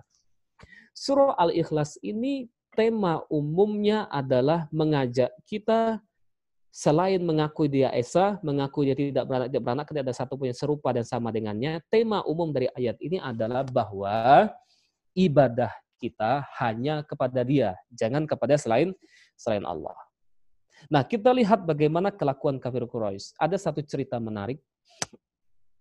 Pada saat terjadi peperangan pihak kafir Quraisy dengan Nabi Muhammad perang perdana, pihak muslim dipimpin oleh Rasul pihak kafir Quraisy dipimpin oleh Abu Jahal. Peranglah mereka. Perang perdana ini dalam Islam dinamakan dengan perang uh, perang uh, perang Badar yang terjadi perdana dalam Islam dan menariknya perang ini terjadi di bulan Ramadan dua tahun setelah Nabi pindah ke Madinah. Peranglah perang perdana ini perang Badar. Sebelum perang Rasul doa mengangkat tangannya tinggi-tinggi, saking tingginya surban di bahu beliau jatuh, yang kurang lebih isi doanya Nabi itu adalah yang kemarin sempat populer doa ini. Ya Allah, buktikan kemenanganmu kepada kami hari ini. Apabila kami kalah hari ini, berarti engkau telah menakdirkan bahwa setelah kami kalah besok sampai hari kiamat, engkau tidak akan disembah lagi. Ini doa Rasulullah. Pihak kafir sono Abu Jahal pun doa, istighosah dia minta sambil mengangkat tangan. Apa kata Abu Jahal? Ya Allah, buktikan hari ini yang benar Muhammad ajaran baru atau kami yang membela ajaran lama. Dari kisah ini menarik, Abu Jahal mengangkat tangan doa, Ya Allah, bukan latanya, bukan uzanya, bukan bukan berhalanya, tapi dia seru siapa? Ya Allah. Dari sini kita dapat lagi satu pelajaran. Ternyata sekafir-kafirnya Abu Jahal tetap mengakui Allah yang menjawab doa. Lantas berhala apa fungsi mereka? Nah, berhala bagi kafir Quraisy bukan Tuhan. Dalam artian Rob.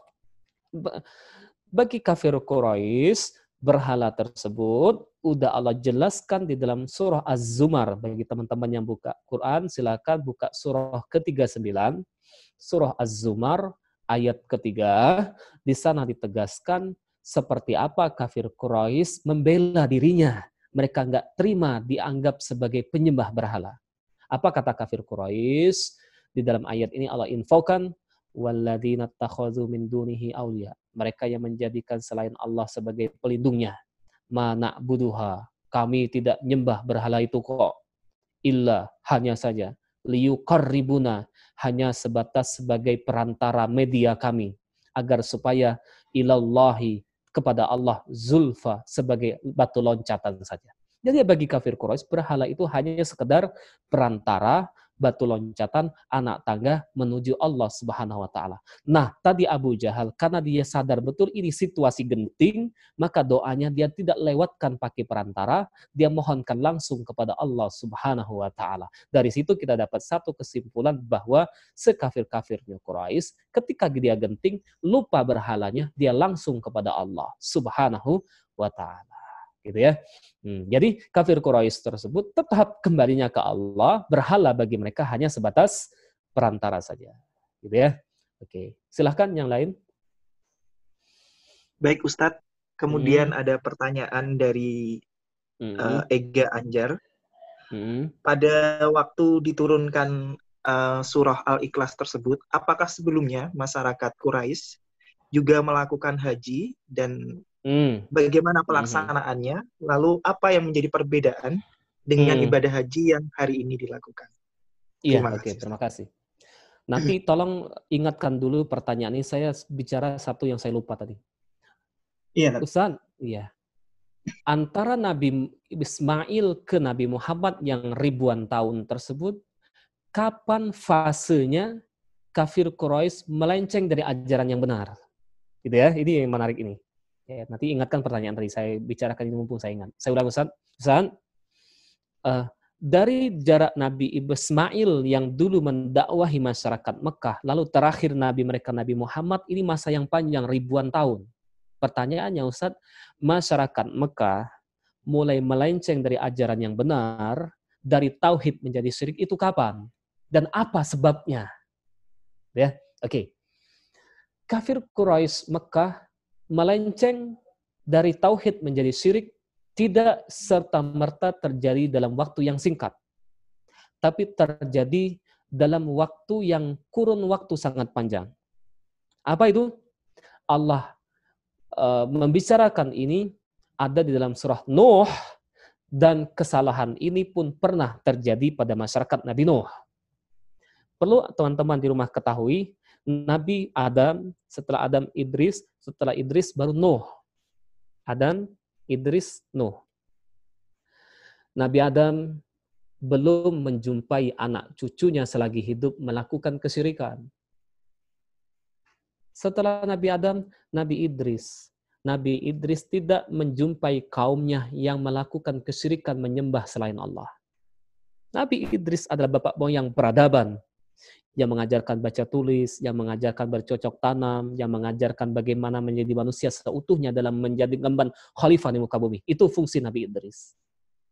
Setelah mereka menerima peradaban dari Nabi Idris, baca tulis, bercocok tanam, menjalankan kehidupan layaknya manusia sebagai khalifah di muka bumi, maka manusia kemudian berada dalam kehidupan kenikmatan dan kemewahan.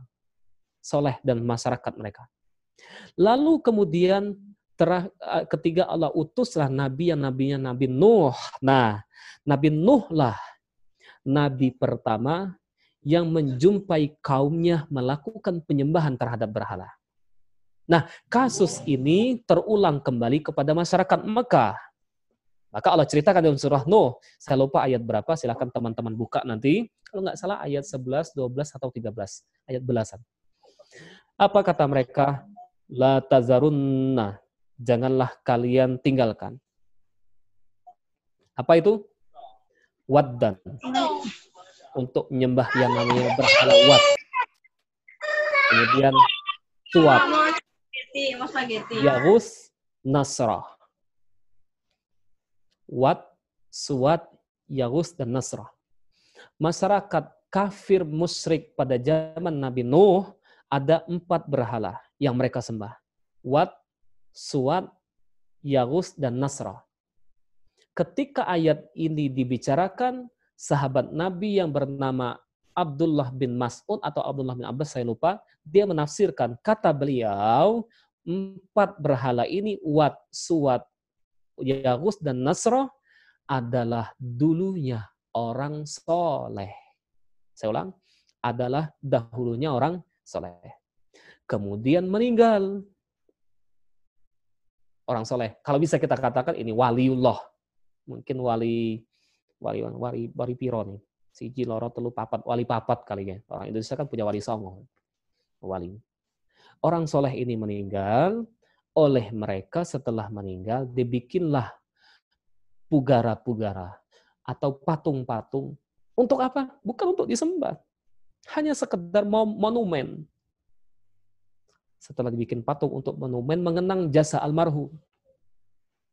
Lalu kemudian lambat laun waktu ke waktu pelan-pelan pelan-pelan kemudian pada akhirnya yang tadi patung ini dulu dibikin hanya sekedar untuk monumen mengenang peringatan siapa almarhum ini datang generasi berganti generasi berganti generasi berganti generasi kemudian berakhir menjadi yang tadinya hanya sekedar patung itu untuk monumen monumen peringatan saja lalu bernasib patung ini kemudian pada akhirnya disembah. Ingat, ini terjadi bukan dalam waktu tempo yang singkat, tapi beriring waktu yang sangat panjang.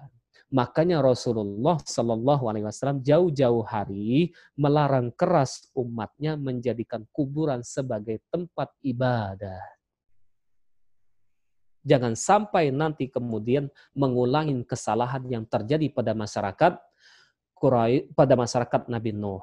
Nah, pada masa masyarakat Makkah sebelum Rasulullah diutus kepada mereka, mereka juga mengulangi kesalahan yang terjadi pada zaman Nabi Nuh. Ada orang yang bersal, berjasa di kalangan mereka. Ada seseorang namanya Uzza.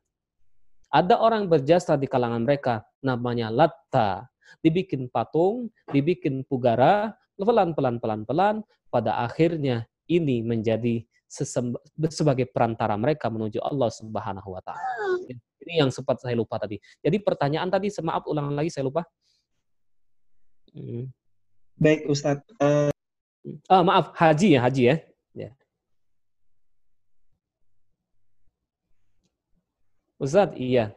Seperti apa dan bagaimana Ustadz hajinya masyarakat jahiliyah sebelum hadirnya Islam? Iya, terima kasih. Uh, masyarakat jahiliyah haji, iya. Masyarakat jahiliyah umroh, iya. Kok bisa Ustaz? Iya, karena ia mengajarkan haji dan umroh siapa dahulu? Haji dan umroh adalah sunnahnya Nabi Ibrahim dan Nabi Ismail. Otomatis berarti masyarakat Maka sebelum Nabi diutus kepada mereka haji juga, umroh juga. Berarti kalau begitu Ustaz Abu Lahab haji dong? Iya. Abu Jahal haji, iya. Tapi haji versi jahiliyah. Ya, jadi pertanyaan Ustaz, seperti apa haji jahiliyah yang sudah mereka lencengkan dari ajaran Nabi Ibrahim dulu? Nah, begini. Ya, mungkin antum yang pernah baca buku sirah pasti tahu, hajinya versi jahiliyah itu adalah saat mereka tawaf mengelilingi Ka'bah sama seperti kita hari ini. Hanya saja mereka bikin peraturan. Apa itu peraturannya? Bagi masyarakat yang luar penduduk tanah haram. Saya ulang. Bagi masyarakat yang umroh atau haji ingin tawaf ke Ka'bah, notabene masyarakat tersebut bukan penduduk tanah haram, maka dia tawaf ke Ka'bah hanya boleh membawa badannya sendiri. Tidak boleh membawa pakaian sehelai benang pun karena notabene pakaian tersebut bukan dari tanah haram. Maka dia menganggap semuanya nggak boleh masuk Mekah kecuali badannya sendiri. Maka tawafnya mereka pada masa jahiliyah, penduduk yang bukan penduduk tanah haram, tawafnya mereka dengan telanjang bulat mengelilingi Ka'bah. Itu yang pertama. Yang kedua, sa'inya mereka gimana Ustaz? Sa'inya mereka sama dari Bukit Safa, Bukit Marwah. Hanya saja dahulu pada masa jahiliyah di Bukit Safa, di Bukit Marwah ada berhalanya satu-satu. Setiap dia datang ke Bukit Safa, dia sa'i, dia usap itu berhala datang ke Bukit Marwah, dia usap itu berhala. Berulang tujuh kali, setiap kali ketemu berhala, dia mengusap berhala tersebut. Lalu kemudian, maaf sebentar, ada tamu.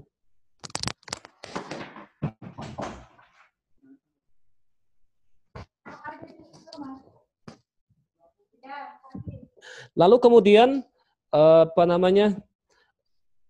Tadi tadi tawafnya, kemudian sa'inya, Lalu kemudian Ustaz, bagaimana cara mereka wukufnya? Wukufnya mereka adalah bukan di tempat wukuf sekarang. Bagi teman-teman yang pernah haji atau umroh tahu bahwa lokasi wukuf itu bukan di tanah haram, tapi di luar tanah haram.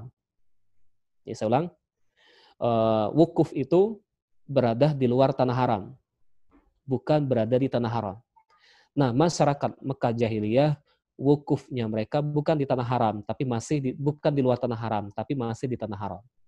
Nah, pada saat itu, sebelum Rasulullah berhasil menguasai Mekah menjadi daerah Islam, haji berjalan, ada dua kloter, ada kloter Islam, ada kloter jahiliyah. Gitu ya. Gitu. Ini versi jahiliyah, bagaimana mereka melaksanakan haji dan umroh. Oke, silakan yang lain.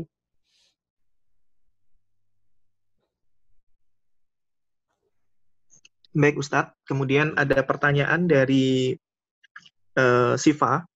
Hmm. Hmm, kenapa setiap kali kita selesai sholat dianjurkan untuk membaca Al-Ikhlas? Nah, hmm. ada fadilah, fadilahnya apa yang menganjurkan hal tersebut? Kemudian hmm. mengapa uh, surat ah, Al-Ikhlas ini selalu dikaitkan dengan dua surah lain, yaitu An-Nas dan juga Al-Falaq, yang mungkin sering disebut juga sebagai al-mu'awizat. Hmm. Terima kasih Ustaz. Iya, oke, okay, terima kasih. Betul, di antara bagian dari zikir-zikir habis sholat biasanya baca kul huwallahu ahad. Ya. Begini ya, kita menyikapi uh, apa namanya sunnah atau ajaran-ajaran dalam Islam ini terbagi dua ada kalanya ajaran Islam makulatul makna. Logis pemahamannya bisa diterawang oleh logika kita. Contoh misal, Ustaz, iya, kenapa Islam melarang minuman keras? Saya yakin teman-teman di rumah bisa menjawab dengan logika. Mengapa logisnya apa? Tapi yang kedua, ada kalanya perintah atau larangan Islam atau sunnah atau ajaran-ajaran Islam yang sebaliknya akal kita belum mampu mm, menjawabnya secara logis. Taruhlah mungkin saya ambil sampel, saat ya, kenapa ya kita kok habis buang angin, kok malah batal, terus disuruh wudhu lagi, terus cuci wajahnya, tangannya, kepalanya, kakinya. Kenapa nggak cuci tempat keluar anginnya? Nah ini masuk kategori uh, logika kita tidak bisa menjawabnya. Logika kita tidak bisa menjawabnya. Nah, yang seperti inilah yang dimaksudkan di dalam banyak ayat, uh, dalam ayat Quran yang sering kita dengar, sami'na wa ata'na. Sami'na wa ata'na.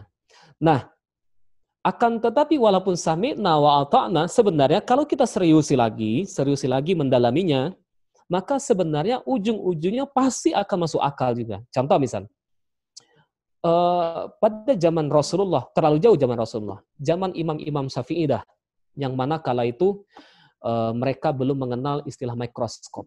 Ketika mereka ditanya, Pak Imam, ya, apa sih logisnya kok habis dijilat guguk, dijilat anjing, kita disunnahkan cara mensucikannya dengan cara tanah terlebih dulu baru air. Saya yakin imam-imam ini akan menjawab apa? Inilah sunnah Rasulullah, sami'na wa ata'na. Logisnya apa? Mereka belum bisa jawab karena belum ada penelitian. Hari ini, hari ini, hari ini nih, Saya yakin mungkin ada teman-teman yang pernah menemukan penelitian kenapa disuruh disucikan dengan tanah terlebih dahulu karena dalam mulut anjing tersebut meninggalkan bakteri yang berbahaya untuk tubuh manusia, baru mati bakteri tersebut, baru hilang bakteri tersebut menggunakan unsur tanah. Menggunakan unsur tanah. Nah, hari ini baru kita bisa mengatakan masuk akal. Dahulu mungkin mereka katakan nggak masuk akal. Maka dari dua korelasi ini saya katakan jangan bilang nggak masuk akal. Tapi akal yang belum nyampe. Karena pengetahuan manusia sifatnya berkembang. Gitu ya. Nah Ustadz, apa bagaimana yang seperti ini pertanyaannya? Jawabannya satu, ini sunnah Rasulullah Sallallahu Alaihi Wasallam untuk melakukan zikir setelah kita menjalankan sholat. Kemudian kenapa Ustadz padilahnya BCD? Iya, ini bagian dari motivasi Rasulullah agar kita semakin tersemangati untuk membaca Al-Quran. Akan tetapi, jangan dianak emaskan surah-surah yang mungkin kita tidak mendengar fadilahnya. Teman-teman pernah nggak membaca fadilah, membaca surah uh, Tabat Yada Abilah Habib wa Tab. Saya yakin teman-teman di rumah uh, masih yang masih belum pernah mendengar apa fadilah membaca Tabat Yada Abilah Habib wa Tab. Lantas karena kita nggak mendengar fadilahnya, akankah surah ini kita anak tirikan? Enggak.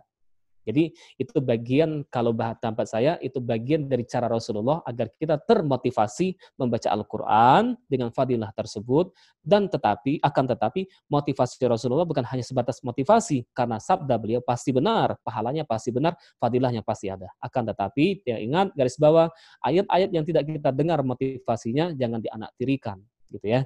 Jadi, karena ada satu tegas sabda Nabi baca Quran itu per hurufnya punya pahala tersendiri. Oke, terima kasih.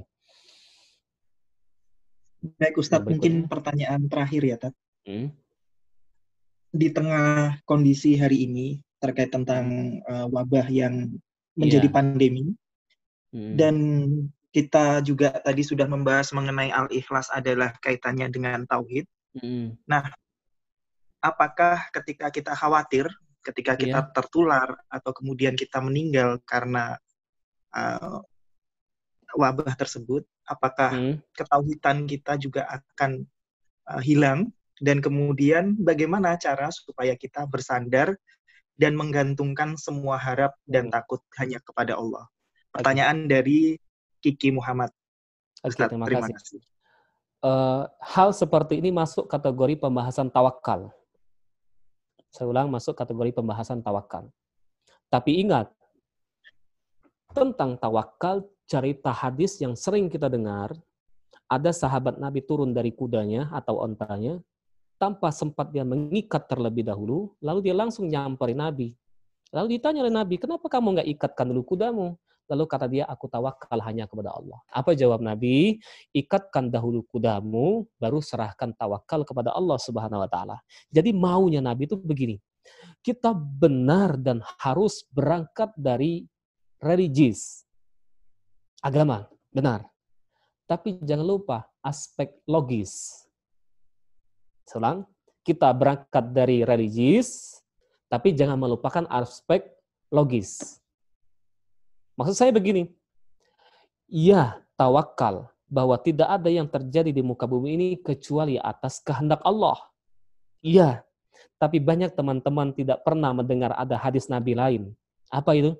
Dan hadis Nabi ini sangat logis sekali dan sangat sangat cocok sekali diterapkan hari ini dan kapan pun berada. Dan hadis ini menjadi pertimbangan utama dalam ulama Islam memutuskan suatu perkara. Apa itu sabda Nabi?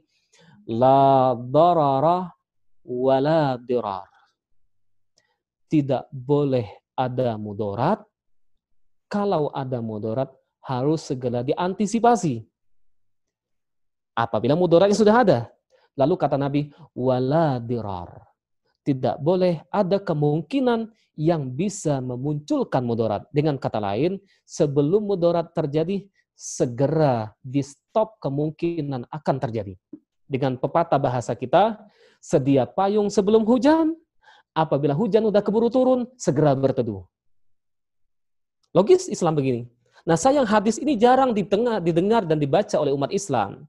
Lalu dia hanya mengandalkan tawakal berserah diri hanya kepada Allah, tidak boleh seperti itu. Kita berangkat dari logis, kita berangkat dari logis, tapi juga memperhatikan faktor logis, gitu ya. Apabila hanya mengandalkan berserah diri hanya kepada Allah, apa yang terjadi pasti akan terjadi. Tidak tidak melakukan peranan dia sebagai hamba dalam ikhtiari, maka ini justru bukan teologi ahlus sunnah wal jamaah. Ini teologinya kaum Jabriyah yang hanya nerimo keputusan Allah tanpa memberikan ruang bagi dirinya untuk melakukan ikhtiari. Nggak boleh seperti ini. Justru dalam ahlus sunnah wal jamaah, ya Allah menentukan. Tapi kita diberikan ruang untuk melakukan ikhtiar usaha sebagai hamba menghindari dari mudarat. Dalam faktor, dalam konteks kekinian, iya kita bertawakal hanya kepada Allah Subhanahu wa taala, tidak ada terjadi kecuali atas kehendaknya, akan tetapi apa itu akan tetapi sebagai manusia kita diberikan ruang untuk ikhtiar. Apabila hanya mengandalkan doa, Rasulullah tidak mungkin mengangkat pedang perang melawan musuhnya. Cukup beliau berdoa, ya Allah berikan mereka hidayah. Tapi Rasul tetap membariskan pasukan, mengangkat senjata untuk perang melawan musuhnya. Kalau beliau hanya mengandalkan doa, sih bisa saja. Akan tetapi ada usaha. Ada usaha. Gitu ya. Jadi dalam konteks kekinian, tawakal ke Allah iya, akan tetapi kita melakukan usaha. Nah usaha tersebutlah yang perlu kita lakukan. Apa itu? Usaha dari maskernya dan sebagainya lah, gitu ya. Gitu. Oke. Okay. Kemudian maaf saya singgung sedikit ini yang mungkin belum dipertanyakan.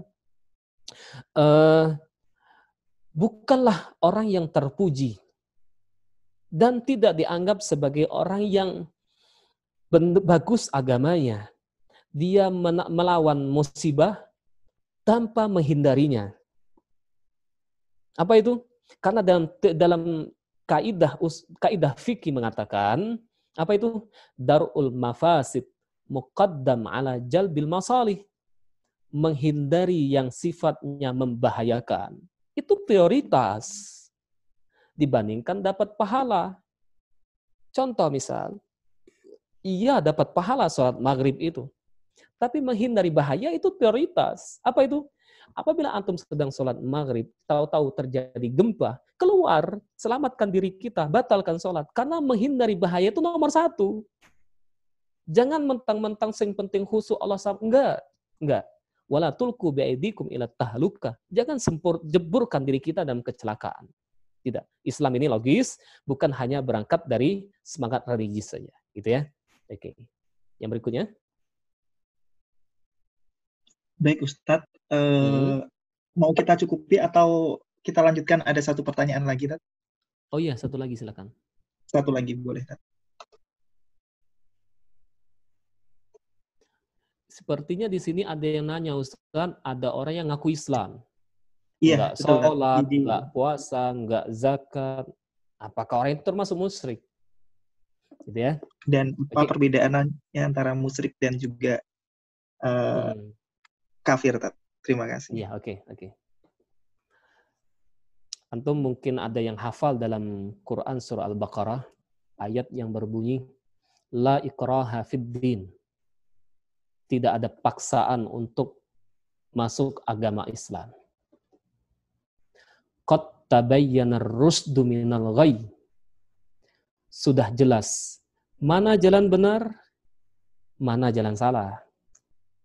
Lalu dilanjutkan oleh ayat ini, فَمَنْ يَكْفُرْ بِالطَّاغُتْ Siapa yang mengingkari yang namanya Tagut.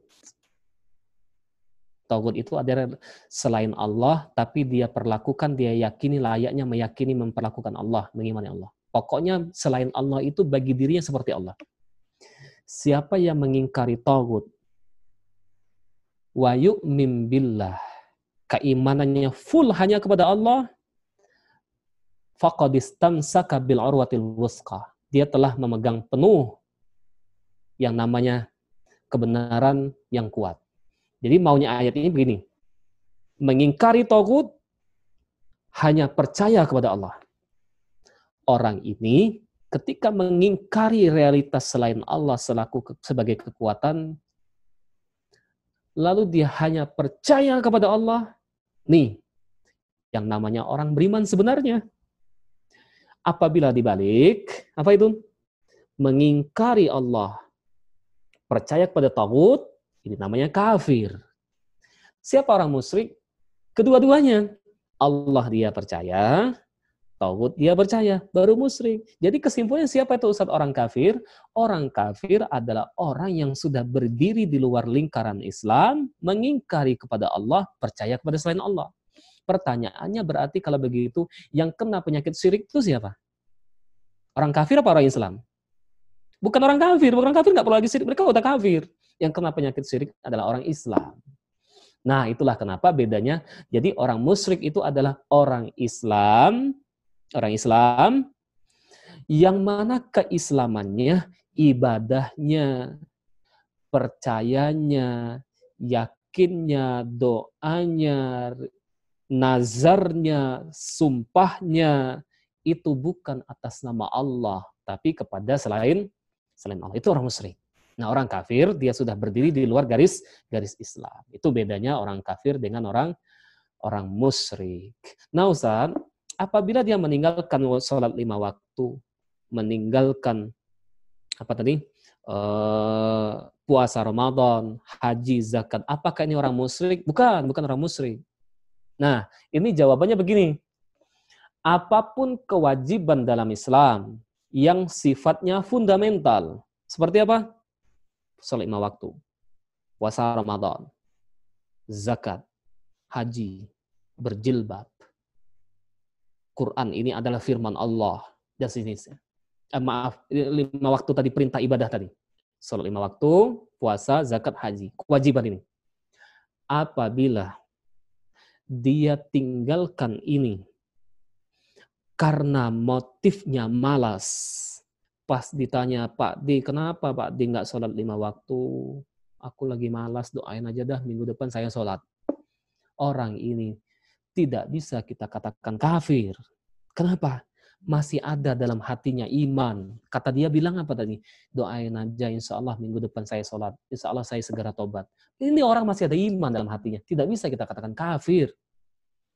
Walaupun dia tinggalkan kewajiban ini bertahun-tahun.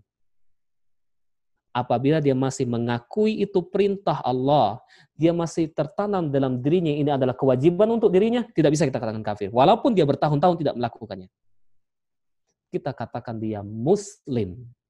Tapi fasik karena meninggalkan kewajibannya sebagai muslim. Akan tetapi, walaupun sekali dia tinggalkan, tidak perlu bertahun-tahun, sekali dia tinggalkan. Kenapa kamu nggak puasa? Ngapain puasa? Lapar-lapar doang. Bikin kaya juga kagak. Berhenti sholat. Tuh tetangga gua nggak pernah sholat kaya. Nah ini orang meninggalkan kewajiban tapi dalam hatinya nggak ada iman lagi. Kenapa? Dia sudah menghina dan melecehkan. Nih, baru dikatakan kafir. Tapi tidak bisa dikatakan musyrik. Karena musyrik adalah ketika dia mengalamatkan ibadah kepada selain Allah. Baru itu namanya musyrik. Jadi saya ulang, musyrik itu adalah apa tadi? Mengalamatkan ibadahnya seharusnya alamatnya ke Allah, tapi kepada selain selain Allah. Gitu ya. Kurban sebenarnya untuk Allah. Kurban itu untuk Allah. Inna salati wa nusuki, ibadahku dan kurbanku untuk Allah. Tapi kurbannya untuk Nyiroro Kidul. Walaupun sembelihnya baca bismillah, tapi untuk Nyiroro Kidul namanya syirik. Itu namanya syirik. Karena dia mengalamatkan ibadah kepada selain Allah. Ya, itu itu bedanya kafir dengan musyrik. Oke, silakan yang lain. Atau habis? Masih nggak pertanyaan? Um, kita cukupi tat karena okay, sudah jam ya. 5 mau maghrib ya. Ya. Oke. Okay. Allah, Jadi kesim... luar biasa. Ya, silahkan. Oke, okay, kesimpulannya begini. Surah ini hadir semacam kritik keras buat masyarakat Quraisy hari itu yang sudah meyakini Allah tapi ibadahnya kepada selain Allah. Nah, untuk konteks kekinian, konteks kekinian, saya yakin termasuk orang Kristen tetap ada Tuhan yang maha tinggi walaupun mereka percaya Yesus bagi mereka adalah Tuhan Bapa. Orang Hindu, walaupun banyak berhala-berhala, tetap mereka meyakini ada Tuhan yang maha tinggi, Sang Hyang Widiwasa, dan seterusnya. Nah, dalam konteks kekinian, maunya ayat ini mengajak kita mengembalikan peribadatan hanya kepada Tuhan yang maha tinggi itu. Dialah Allah subhanahu wa ta'ala. Tapi ingat, kesalahan kafir Quraisy dengan kita ulangi. Apa itu? Mereka percaya Allah, tapi ibadahnya kepada selain Allah. Kebanyakan umat Islam hari ini mengulangi kesalahan ini adalah mereka datang ke kuburan orang saleh, orang wali, dengan harapan doa mereka didengar oleh wali itu almarhum dalam kuburan lalu kata mereka orang dalam kuburan itu akan menyampaikan doanya kepada Allah. Ini sama saja dengan kafir Quraisy tadi. Mereka anggap sebagai peran perantara. Nah inilah kita luruskan ibadah kita luruskan keyakinan kita kalau kita berhasil meluruskan akidah kita kita berhasil meluruskan ibadah kita berarti itulah yang dimaksud dengan ikhlas tadi murni bersih ibadahnya, bersih akidahnya. Pas ayat ini sama dengan al-ikhlas. Semoga Allah beri kita iman yang bersih, semoga Allah beri kita iman yang murni, kepercayaan yang full kepada Allah, ibadah kita hanya kepadanya. Allah lindungi diri kita, anak keturunan ini kita, keluarga besar kita, cucu-cucu kita dari melakukan kesyirikan kepadanya, menjadi turunan yang mendirikan mendirikan sholat, menunaikan zakat, dan menyucikan dan mengesahkan Allah Subhanahu wa taala. Aku luka hadza subhanakallah li wa lakum wa nafa'ani wa iyyakum subhanakallah bihamdika asyhadu an la ilaha illa anta astaghfiruka wa atubu ilaik. Akhir kalam sebelum saya tutup mohon maaf, mohon maaf jika ada kesalahan yang saya sampaikan. Assalamualaikum warahmatullahi wabarakatuh. Waalaikumsalam warahmatullahi wabarakatuh.